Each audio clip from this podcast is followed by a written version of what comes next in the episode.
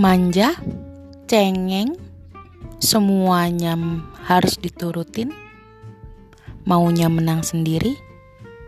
Pasti kata-kata itu yang sering kita dengar kalau menyebut nama anak tunggal. Gimana? Bener nggak? Gimana menurut kalian tentang anak tunggal? Apakah seperti itu juga? Atau tidak? Kalau kalian pengen tahu lebih lengkapnya, Yuk dengerin podcast ini. Oh ya, disclaimer ya, ini tentang anak tunggal yang versi aku.